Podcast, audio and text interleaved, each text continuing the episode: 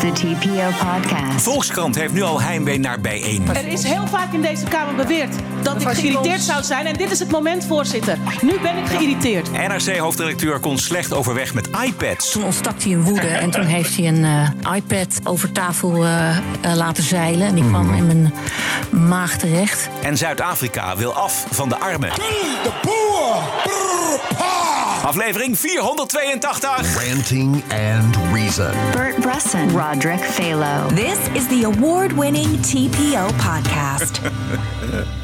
Maar die meisjes uit de intro, dat zijn koormeisjes bij jou in de straat? Of eh, Ja, precies. heb je die eh, eh, omgekocht met, eh, met een besje jus? Of hoe, eh, hoe doe je dat Ja, wat, tegenwoordig? wat vind je van de nieuwe jingle?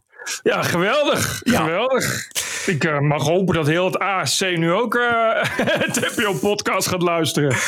Ik woon in een straat met niet één, maar twee studentenhuizen. En in het ene zit een meisjesdispuut en in het andere zit een jongensdispuut. En eh, elk jaar rond deze tijd hoor je dan eh, dit. Kijk, dat gaat dan de hele tijd zo door. En toen op een gegeven moment dacht ik, weet je wat? Ik ben eh, gewoon naar ze toe gelopen gisteren en uitgelegd wat de bedoeling was.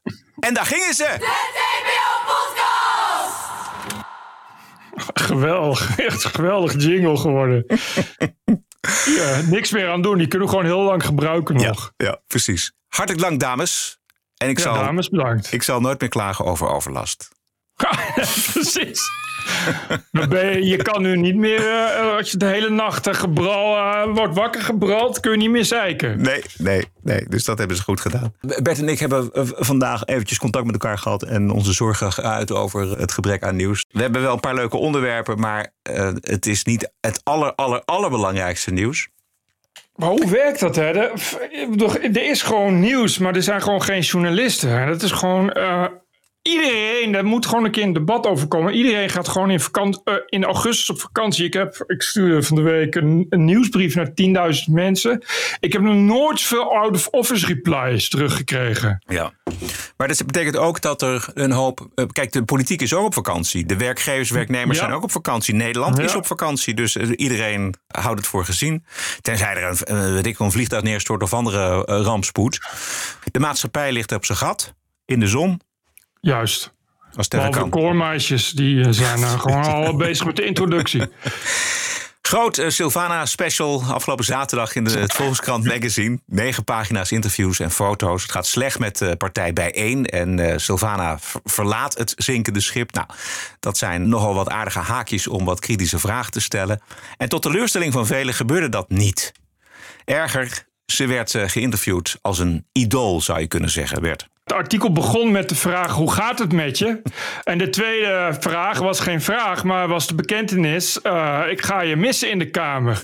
Dat, zijn, eh, dat eerste is volgens mij, dat leer je op de eerste les op elke school van journalistiek. En die zijn nog niet zo best in Nederland. Dus dat kun je best weten. Je gaat niet vragen: hoe gaat het met je? Want dan kun je net zo goed gaan vragen: wat is je lievelingskleur?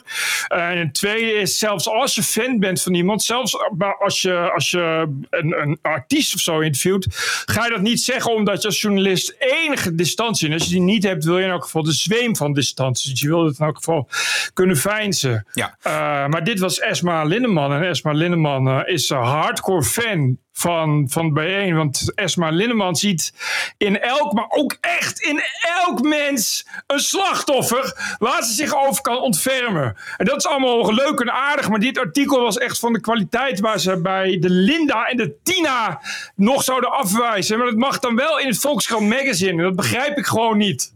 Het jammer is ook van het hele interview dat je met die twee vragen aan het begin de toon zet. Dan weet Ja. eh, Sylvana ook van, oh, ik, heb, ik heb niks te vrezen, dus die kan gewoon lekker leeglopen. En die, die ruimte krijgt ze. Dus het was een heel flauw interview. En het jammer is inderdaad dat je dus er, er genoeg aan de hand is daarbij, die, die partij en met Ja, haar. precies. Op een gegeven moment wordt er dan wel gevraagd iets over de ellende binnen bijeen. Maar dan zegt ze, ja, ik heb een hele andere indruk van mijn partij. En het zijn allemaal idealisten. En daarmee komt ze weg. En dan over al die verschillende Ja. identiteiten die elkaar naar het leven staan, zegt ze dan: ja, eh, wij zijn ook maar een afspiegeling van de samenleving. En daar komt ze dan ook mee weg. Het mist elke scherpte en er is een hoop aan de hand, dus come on. Ja, je, je kan niet bij een partij als, als bijeen, wat gewoon een controversiële partij is en een controversiële figuur als Sylvana Simons, dan helemaal geen kritische vragen stellen.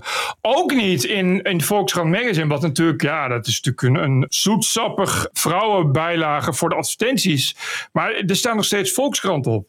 En op het moment dat je dit soort dingen doet, straalt dat gewoon af op je hele merk. En nu is de boodschap van de Volkskrant dus. Ja, wij stellen niet aan elke politicus kritische vragen. Zelfs niet als het een politicus is die er echt om schreeuwt om kritische vragen. Ja. En dat is gewoon slecht, echt heel slecht. En het kan gebeuren dat je iemand belt. Je belt een redacteur, je belt Esma Linneman. Ja, jij hebt contact met Sylvana Simons, wil je haar interviewen? Oké, nou, dan komt zo'n interview op je bureau. Ja, dan heb je toch een eindredacteur en een hoofdredacteur. Want het magazine heeft toch een aparte hoofdredacteur. Die dan moet zeggen, nou, misschien toch maar niet. Niks mis mee kan gebeuren. Dat gebeurt de hele tijd bij kranten. Ik begrijp gewoon niet waarom het is geplaatst. Dat begrijp ik echt oprecht niet. Ik zie, lees op het allerlaatst van het interview, staat dan dat zij nog een keer heeft teruggebeld. Even kijken. Er is alle kans geweest, ook voor een eindredacteur, om te zeggen: Nou, weet je wat, eh, stel die en die vragen nog eventjes als je haar terug, Precies. terugbelt. Even kijken, we spreken Sylvana tenslotte nog een keer, vijf dagen nadat ze heeft bekendgemaakt te vertrekken als lijsttrekker. En verder, ik, bedoel, ik kan me niet zo'n interview bedenken. eh, laten we de hele andere kant van het spectrum eens eh, bekijken. Met een Geert Wilders of een Caroline van der Plas. Die begint met de vraag: hoe gaat het met je? En eh, ik kan zo genieten van je onderscheidende aanwezigheid op het Nou Binnenhof. ja, nee. Dat zouden ze bij de Volkskrant nooit doen. En dat zou geen enkel medium doen. Nee. En kennelijk hebben ze gedacht... van ja, Sylvana Simons is in ons straatje... wat volgens mij ook niet zo is. Ik bedoel, de Volkskrant is wel links, maar ook maar niet zo links. Ja, kennelijk is het in Esma Lindemans straatje. Eh, en was er niemand om met een rode pen... door het stuk van Esma Lindeman te gaan. Eh, weet je, zo heel erg slecht was de rest ook niet. Alleen dus geen kritische vragen. Dus dan zeg je ja, maar bel dan nog even terug. En stel nog even de vraag Ja. over, over, die, over de diversiteit. Stel nog de vraag over eh, wat is er misgegaan. Weet je, dat kan, dat hoort bij journalistiek. Dat is, dat is heel normaal. Ja, ik vind het een gemiste kans omdat je ziet dat eh, wat er bij bijeen gebeurt, daar hebben we het er vaak genoeg over gehad. Bijeen is eigenlijk een laboratoriumopstelling van hoe Nederland eruit gaat zien als we iedereen gaan aanspreken op zijn of haar huidskleur of gender. Juist. Namelijk een vechtende kluwe. Een, een, een Libanon aan de Noordzee.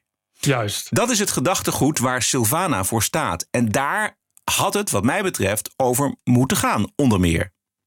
Nou ja, dat, maar dat bedoel ik. Het is een, een figuur en een partij waar je niet om he- bijzondere kritische vragen heen kan. Het is niet Henry Bontebal van het CDA. Weet je, Nee. iemand waar je niks van weet en die niemand kent. Ja, wat moet je dan vragen? Dan kom je inderdaad niet verder dan ga. Hoe gaat het met je? Ja. Maar, maar dat, en dat is bij een figuur als Sylvana is dat gewoon niet zo. En al helemaal nu niet met bijeen. De vraag die iedereen wel weet is... hoe heeft het zo mis kunnen gaan met Ja, bijeen? En wat verwacht je eigenlijk nog van de Kamerverkiezingen? En als je dan dus als de journalist die vragen niet stelt... dan hoort daar een eindredacteur te zitten die zegt van... ja, maar ja, als je haar terug gaat bellen... dan moet je toch echt die vraag er nog even in fietsen. Ze heeft wel op een gegeven moment gevraagd. Eh, Van nou niet zelf? Had je niet veel harder moeten ingrijpen hier? Had je als partijleider niet harder moeten optreden tegen ruzies en conflicten die de partij nu de das om lijken te doen? Dat, dat is, en dan zegt zij: Ik heb lokale afdelingen bewust vrijheid gegeven. Dit is een idealistische partij met veel mensen die van nature nogal anarchistisch zijn. Het schreeuwt toch om, om Ja. 100 vragen, Ja. of niet? Deze partij verdwijnt natuurlijk uit de Tweede Kamer. Ik bedoel, zonder Sylvana is er helemaal Juist. verder niks. Dus het is ook, je mag haar ook de credits geven voor dat wat ze gedaan heeft. Daar is helemaal verder niks mis mee. Ik bedoel, ze heeft al in de eentje Nee. dit allemaal gedaan in de politieke loopbaan. Mooi aanleiding, nu die politieke loopbaan ten einde is, om eh, daarop te reflecteren. En wa- waarom die partij zo gigantisch uit elkaar dondert. Als ze elkaar eerst zien als zwart-wit, homo, hetero, et cetera. En daarna pas als individu, dan gaat het mis. En dat is een belangrijke boodschap voor Nederland. Ja, maar dat zijn dus dingen die gevraagd hadden moeten worden. En ik, ik denk echt dat als wel een eindredacteur had gezet, was ook die eerste vraag niet ingekomen. Je begint niet je artikel met hoe gaat het met je. De politiek was dat niet een misstap van Sylvana Simons. Als je kijkt hoe ze heeft opgetreden in de Kamer. Ik bedoel, ze heeft ook dingen bereikt. Maar het was ook voor haar, denk ik, ook geen. Niet haar arena, weet je wel. Ze maakt zich heel druk. Duidelijk. Ruzie, weglopen. Dat was ook, Nee, een leuk- maar- was ook een aardige vraag geweest. Ja, de, precies. Maar je kan echt. Je hoeft dus ook, dat is het erge. Je hoeft niet heel goed te zijn in interviewen. om bij iemand als Sylvana Simons een, een paar kritische vragen te bedenken. Ja. Dat, dat, je zou denken dat loopt vanzelf. Ja. Maar kennelijk niet. Kennelijk zijn er mensen die daar toch meer moeite mee hebben. Nou ja, goed. Kennelijk mag het dan in de krant tegenwoordig. Of in het magazine bij de krant. ja. In de TPO-podcast op vrijdag, de Wokweek. Ook in de wiskunde valt nog genoeg te decoloniseren. Het absurdisme, You're an adult. Grow up. Deal with it. de terreur Everything woke turns to shit. en het verzet ertegen. This cancel culture is gonna end, end, end. De Wokweek in de TPO-podcast op vrijdag. Ja, op vrijdag zijn we er ook natuurlijk met de, onder andere de Wokweek. En je kunt eh, die uitzendingen beluisteren, bijvoorbeeld met een proefabonnement. Bijvoorbeeld voor, voor, voor, voor een maand of voor twee maanden. Of je pakt meteen een heel jaar abonnement. Ga naar tpopodcast.nl. Dan kom je vanzelf op onze Petje Af pagina. En dan wijst het abonnement zich vanzelf. We weten dat er onder het hoofdredacteurschap van Peter van der Meers... ook bij NRC nogal wat grenzen overschreden zijn. Zijn woedeaanvallen op de redactie is lang niet eh, aan de grote klok gehangen. Maar waren wel legendarisch, weten de redacteuren te vertellen. Zaterdag zat er een eh, chef onderzoeksjournalistiek bij NRC, Wubby Luijendijk, bij Argos op Radio 1. En zij vertelde daar over de praktijk van het grensoverschrijdend hoofdredacteurschap. Eh, Is er door je hoofd gegaan of er ooit zo'n verhaal over de NRC in een andere krant zou kunnen komen? Dat zou kunnen, zeker. Van der Meers, ja, het is niet zo dat we hem daar nooit eh, zelf op aangesproken Ja. hebben. Hè. We hebben eh, een eh, werknemersonderzoek gedaan. De redactieraad is ermee bezig geweest. Ik heb hem zelf aangesproken Ja. op het feit dat hij eh, eh, ja, zich toch wat diplomatieker moest uiten. Ik kreeg toen, eh, toen ontstak hij in woede en toen heeft hij een, eh, een iPad eh, in mijn, eh, eh, ja, over tafel laten zeilen. En die kwam in mijn maag terecht. Allemaal niet ernstig, maar, maar het was, eh, er was wel degelijk een enigszins open cultuur. Ja, intimiderende cultuur, zeg maar, gerust. Ja. Het was allemaal bekend, maar toch vond ik het heftig, Bert, om dit dan weer te horen. Eh, Ja, maar- Gewoon dit soort details. Wat ik, wat ik echt erg vind is dat het NSC, wat toch altijd een heel grote broek aantrekt als het gaat om het maatnemen van anderen, daar gewoon helemaal niets over schrijft. En al jarenlang doet alsof, de, alsof dat niet zo is. Het is al jaren een, een publiek geheim. En terwijl die vent is nu ook al jaren weg. Ja. En nog steeds hoor je daar helemaal niks van en doen ze daar heel schijnheilig over. En dat is echt slecht. Dat vind ik echt slecht. Als je gewoon altijd zo'n grote bek hebt over anderen. En eh, eh, niet altijd onterecht overigens. eh, mensen de morele maat neemt over hun, over hun leiderschapskwaliteit. Of over hun werkgeverschap. Dan is het misschien ook een goed idee om dat dan eens een keer zelf te doen. Ja, dat is- ja, ja, precies. En wat, dat, wat de NOS wel gedaan heeft, namelijk inderdaad alles wat bij NOS Sport verkeerd ging, dat gewoon wel melden Juist. en dat uit, eh, en daar onderzoek naar doen. Maar blijkbaar is Van der Meers. eh, Ja, er zijn natuurlijk ook een hoop mensen die nog steeds, en volgens mij ook die uitgever, die zijn allemaal zeer te spreken over hem. Dus dan, komt het ja, niet van de grond.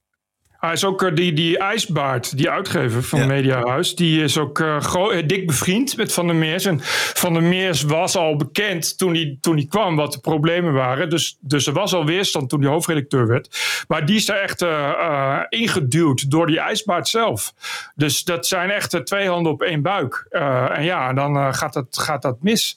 Argos moet dus, dus daar onderzoek naar doen. Ja. Weet je, zo, zo diep, diep begraven ligt het. Ja. Ja, dat is gewoon echt diep triest. Ja. Dat is echt heel sneu. En het speelde al heel lang. Het boel denkt dat het zijn Juist. hele hoofdredacteurschap heeft gespeeld. En al in 2018 verscheen er in HP De Tijd een stuk over Van der Meers. Vloek of zegen voor NRC. Met een grote foto van hem op de cover. Ja. En Dat is dus dan meer dan vijf jaar geleden.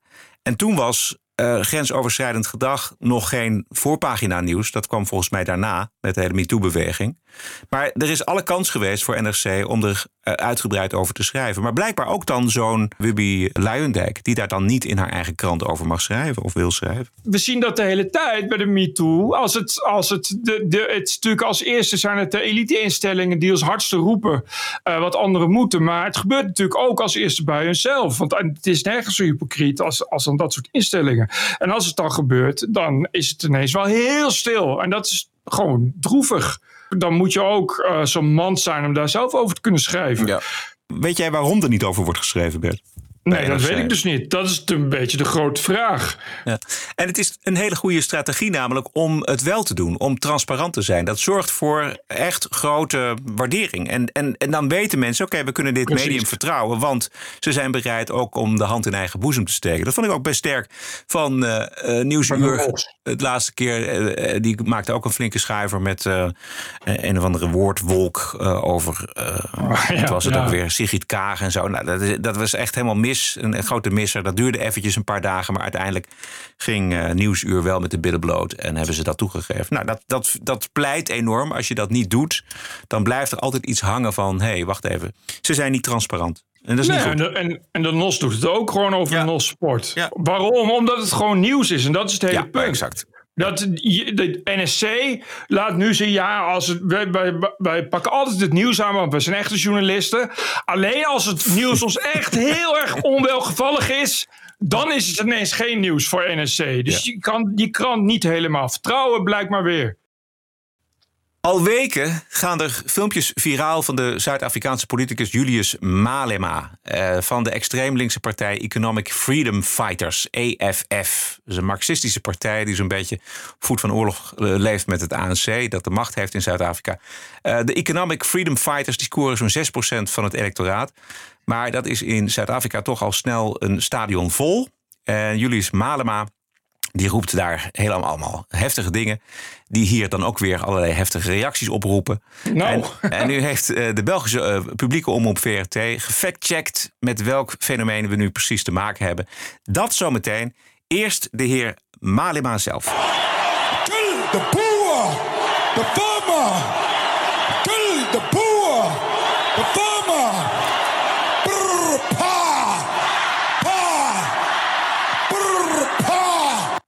Je denkt even dat hij roept kill the poor, maar hij roept kill de boer. En Ja. dat is natuurlijk een blanke boer. En dat is, eh, zeggen onder meer Martin Bosma en Wier Duk, anti-blank racisme van deze Malema. Nou, dat is het wel. Dat is het sowieso, dat is het wel. Maar het, eh, ik, ik was het echt grotendeels eens met die factcheck. Behalve dat het wel een erg langdradige en overdadige factcheck is. Wat trouwens wel, wat je al vaker hebt bij factchecks. Dat je denkt van, het lijkt erop dat jullie niet alleen feiten willen checken. Maar ook nog een heleboel andere dingen willen meedelen. Maar goed. Eh, Ja, ik, ik begrijp die ophef niet zo. Hoor. Dit stamt al echt, echt volgens mij van, van het begin van de apartheid. Het is enorm contextgevoelig. Ik zeg altijd, ja, ja, als je daarover wil zeiken, moet je zelf zwart zijn en heel lang in Zuid-Afrika gaan wonen. En dan ga je daar een hele andere context bij krijgen. Als je dat zo nu uit de context haalt, dan lijkt het inderdaad allemaal heel wat. Maar het is iets wat daar al, al heel lang gewoon is en waar mensen al heel erg aan gewend zijn. Ja. Een oud ding, wat, wat gewoon, ja. Nou ja, oude dingen kunnen ook gevaarlijk zijn als je ze roept in een vol stadion bijvoorbeeld. Maar wat ik begreep uit die factcheck van de VRT was dat het nog maar de vraag is of hier sprake is van anti-blank racisme. Omdat eh, de de Kil de Boer, de boer was natuurlijk wel eh, de, gehate landeigenaar en de, en, de, en de slavendrijver, om het maar zo te zeggen. Dus dat is inderdaad, ja, wat jij zegt ook, dat is iets wat, wat uit die apartheid voortkomt. Het is inderdaad ook een provocateur. Hij is een paar keer voor de rechter geweest, horen we zo meteen ook. Maar deze man die heeft die klassenstrijd helemaal doorvoerd. Dus de strijd voor rechtvaardigheid, voor gelijkwaardigheid kost levens, zegt hij. If you want to make an omelet, you gotta break some eggs. You must never be scared to kill. A revolution demands that at some point there must be killing because the killing is part of a revolutionary act. Als je daar vanuit Nederland naar kijkt, dan schrik je daar inderdaad van.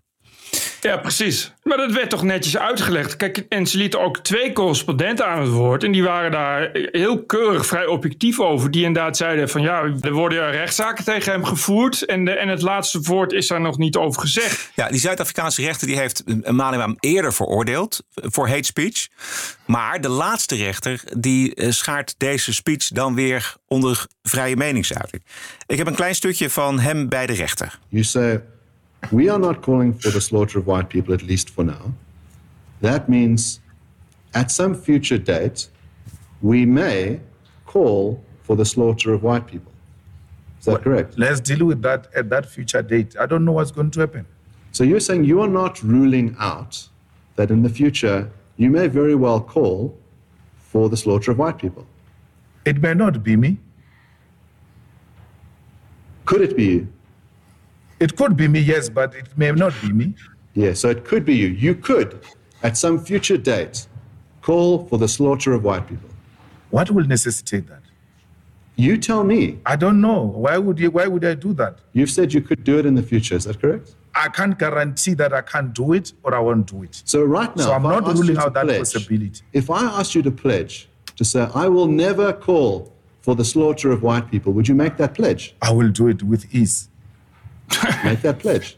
Why would I do that? I'm asking you to make that I pledge. don't. you I, said won't, I will do it. I, won't- I won't do it. Make the pledge. I won't do it. You won't do it. Yes. Ah, I understand. Ja, wat, wat gaat hij niet doen? Dat is even de vraag. Kill the white people. Ga ik dat niet zeggen of ga ik eh, dat niet beloven wat die rechter vraagt? Ja, dit is dus een provocateur. Ja, het is Zuid-Afrika. Ja, dat is het.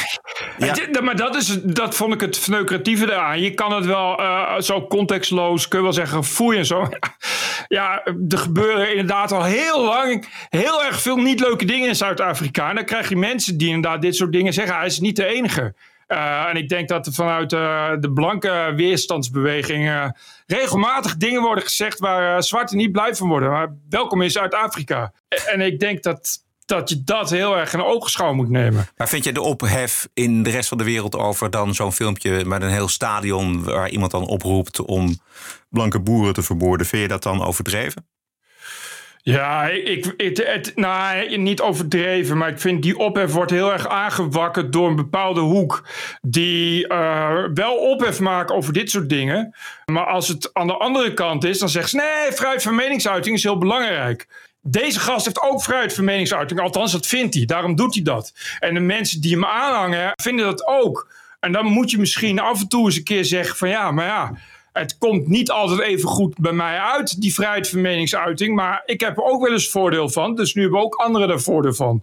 Dan denk ik van ja, misschien moet je daar eh, dan meer moeite voor doen. En daar meer context bij zoeken. En ik vond dat die Belgische lui dat keurig hebben gedaan. Ook omdat ze die correspondenten daarin opvoeden. En die correspondenten gaven ook eerlijk toe van ja, ik, ik ben niet bereid om daar zomaar zulke harde conclusies niet voor en ook niet tegenaan te binden, omdat het dus heel erg ingewikkeld is. En ik denk dat dat de beste duiding is die je kan hebben. Dat zijn mensen die daar eh, eh, wonen en leven. En ik denk dat dat veel belangrijker is. Dus zelfs zo'n uitspraak, Kill de Boer, die is in een context van de Zuid-Afrikaanse samenleving waar een hoop geweld plaatsvindt. En het is ook een land wat uit geweld komt. Ik bedoel, vergeet niet wat voor litteken dat Ja. apartheidsregime eh, nog steeds veroorzaakt in dat land. Kijk, het is niet, niet een goede uitspraak. Het is niet dat ik het mee eens ben. Ik denk niet dat je mensen in een stadion mensen moet gaan oproepen om anderen te vermoorden. Daar niet van. Ik denk alleen wel dat als, je, dat als het in een context plaatst, dat het, dat het iets anders is. Omdat het voor die mensen al heel lang een strijdkreet is. Nee, maar dat is oproepen, wat er oproepen, tot, oproepen tot moord is toch niet, dat, beho- dat behoort toch niet Nee, tot de vrijheid van, van meningsuiting? Nee, precies. Maar dan, dan is het goed als een rechter zegt van dit moet je niet meer doen. De context die ik zelf heb opgezocht, want ik kwam, zag natuurlijk ook een paar keer voorbij komen. Ik dacht van, moeten we daar eh, aandacht aan besteden eh, de afgelopen weken in de TPO-podcast. Maar ik, ik, ben toen zelf op zoek gegaan naar de context. En toen vond ik ook, onder andere vind ik een belangrijke co- context... dat dit een splinterpartij is, die weliswaar een heel stadion vol krijgt... maar nog geen 6% van de Zuid-Afrikanen achter zich heeft. De, Nou, overgrote, de overgrote meerderheid, die wil dit niet. Het is een ge- gewelddadig land en er komen boeren om. Maar dit is niet zo massaal als het lijkt. En die context hoort erbij. Dat is een beetje ook waar ik, waar ik dan mee zit. Dat ik denk van ja, nu wordt er gedaan alsof heel zwart Zuid-Afrika boeren wil eh, eh, vermoorden. Maar dat is heel zo. gek. Heel gek. De meeste mensen in Zuid-Afrika zijn geen moordenaar. Die suggestie, en dat doen die mensen bewust, die stemmingmakerij is wat ze ligt. En dan denk ik van ja, volgens mij bewijst er helemaal niemand een dienst mee om dat zo te doen. En dan vind ik het heel goed dat zo'n omroep daar een factcheck naar doet. Omdat het dus heel erg een eigen leven gaat leiden op social media. En dat je dan op zijn minst kan zeggen van nou ja, eh, eh, de boeren betekent in Zuid-Afrika waarschijnlijk iets anders dan dat het in jouw oren klinkt ten eerste. En ten tweede, dit is een provocateur die dat al heel lang doet. En dit stamt al echt vanaf, vanaf de apartheidstrijd. En ten derde, er zijn een hoop stammen die strijden in Zuid-Afrika. En eh, ja, dat gaat er allemaal niet zacht aan toe. En dat zijn dingen die, die gewoon echt heel goed zijn als je die weet. Nog één dingetje, ik heb nog één dingetje van hem. Hij is er wel tegen een hoop, tegen de boeren, maar hij is voor de Russen. Hij is voor Poetin. We are Putin and Putin is us and we will never support imperialism against President Putin. Ja. Het zal Poetin leuk vinden. Ja, Poetin, eh, provocateur. Julius Malema leeft van de ophef. Die is Juist. eigenlijk in die zin is het de zwarte Thierry Baudet van Zuid-Afrika. Ik wou net zeggen, wie leeft er nog meer van ophef? Oh, wacht. Het zijn jokers. Bovendien, eh, ah, er Maar even, een even, ste- even dingetje. Even, eh, kijk, het zijn jokers, maar als deze joker een heel stadion voor elkaar krijgt, die roept kill de boer. En de boeren worden vermoord. Er is een hoop geweld tegen blanke Eens. Zuid-Afrikanen. Ja, dan vind ik wel dat je ook eventjes op je achterhoofd mag krabben en zeggen van nou, dit deugt van geen kant. Eens. En, eh, eh, maar daarom is het ook goed dat daar rechtszaken tegen worden gevoerd. Eh, en het lijkt me heel goed dat iemand hem vertelt van hou ermee op. Ik las wel dat hij tegenwoordig Kist de Boer eh, zingt.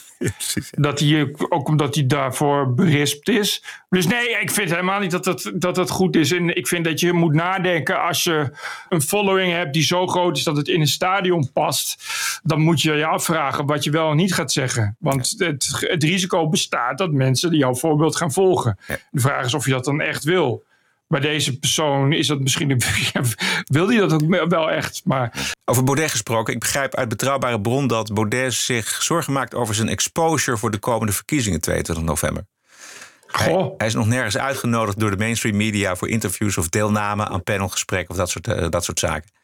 En daar hebben Baudet en zijn club de afgelopen jaren natuurlijk heel hard zelf aangewerkt. om niet meer serieus en relevant te zijn voor de Nederlandse politiek. Ik ben benieuwd of ze nog een kamerzetel veroveren tijdens de Maar, verkiezingen.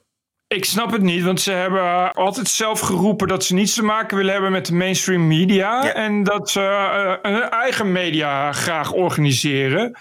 Heeft dan niks met een cordon sanitair of zo te maken. Ja, en dat dus hij over belangrijke onderwerpen eigenlijk nauwelijks meer meedoet in die Kamer. Hij kan op een verkiezingsposter opschrijven waar hij voor is. En je kunt eh, online het eh, programma van FVD kun je wel lezen. Maar hij doet niet meer mee met de politiek. Volgens mij is dat een hele belangrijk argument. Als hij een serieus Ja. politicus zou zijn geweest, dan eh, heeft hij wat te vertellen. En ook in een paneldiscussie. Redacteuren die denken van ja, waarom zouden we Thierry Baudet uitnodigen? Wat, wat vindt hij eigenlijk van zaken? Nou, dat weten we niet. Nou ja, hij veroorzaakt alleen maar ophef. Maar ja, daar zit je ook niet per se op te wachten. Bovendien eh, kent iedereen dat kunstje wel. En je gaat hem niet uitnodigen voor een serieus lijsttrekkersdebat... omdat hij niks heeft in te brengen. Nee. Nee. Dat heeft hij dus. Hij, hij heeft toch vrij letterlijk gezegd dat hij eh, de, de, de Tweede Kamer niks meer vindt. En zo. Dus ja. dan moet je niet verwachten dat je nog verder serieus wordt genomen. Nee. Maar ehm, nou, hij staat al sinds mensenheugenis standaard op eh, vier zetels in vrijwel elke peiling. Dus ik neem aan dat hij, dat hij er minstens twee wel gaat halen voor de volgende verkiezingen. En dan doet Jan Timman ook al niet mee met het FVD schaaktoernooi. Hoe gaat dat, hè? Volgens mij, ik weet niet, maar volgens mij zegt Thierry Baudet dan... Ja, we gaan eh, Jan Timman uitnodigen, dus zet hem maar op. En dan Jan Timman niet bellen. En Dus dan moet je dan... Dat mensen naar je toe komen en zeggen van... Hey, hey, ik zie dat je op een FVD schaaktoernooi zit... terwijl je niks met die FVD wilt te maken. Ja. Diep triest. Ja, ongelooflijk. Nou goed, dit was het dan. Ik wilde een mail voorlezen. Leuk, een, lange mail, maar dat is leuk. Omdat ik heb op Twitter en, en via de nieuwsbrief... ik heb 10.000 abonnees en, eh, en weet ik veel wat... eh, eigenlijk aan mensen gevraagd... de nieuwe media, waar zou je voor betalen? Want, want ik ga met, met TPO nieuwe dingen doen. Dus ik, wil, ik zoek dan een beetje eh, wat, wat mensen zoeken. Vooral wat ze niet zoeken. Eh, en dit is iemand die mailde een geweldig uitgebreid artikel. En ik denk dat heel veel mensen dat, dat gevoel delen wat hij, wat hij uitspreekt. Vertel. Eh, in, in zijn mail. Dus ik ga het even, even oplezen. Het duurt even, maar het is wel eh, echt waard om het helemaal te horen. Ik hou van nieuws. Ik zet regelmatig Telegraaf de F5, want ik heb een betaald digitaal abonnement. En ik lees ook Belgische media, want ik woon in Antwerpen. En ik lees Geen Stijl en Elsevier Weekblad en Siep Winia en de podcast van TPO. En nou hij heeft nog een heel rijtje van, van podcasts. Eh, ik lees RTL en NOS via de app. Voor de clickbait ga ik dan nog wel eens richting Volkskrant Trouw en NSC. Maar dat doe ik dan alleen als ik het gratis kan lezen.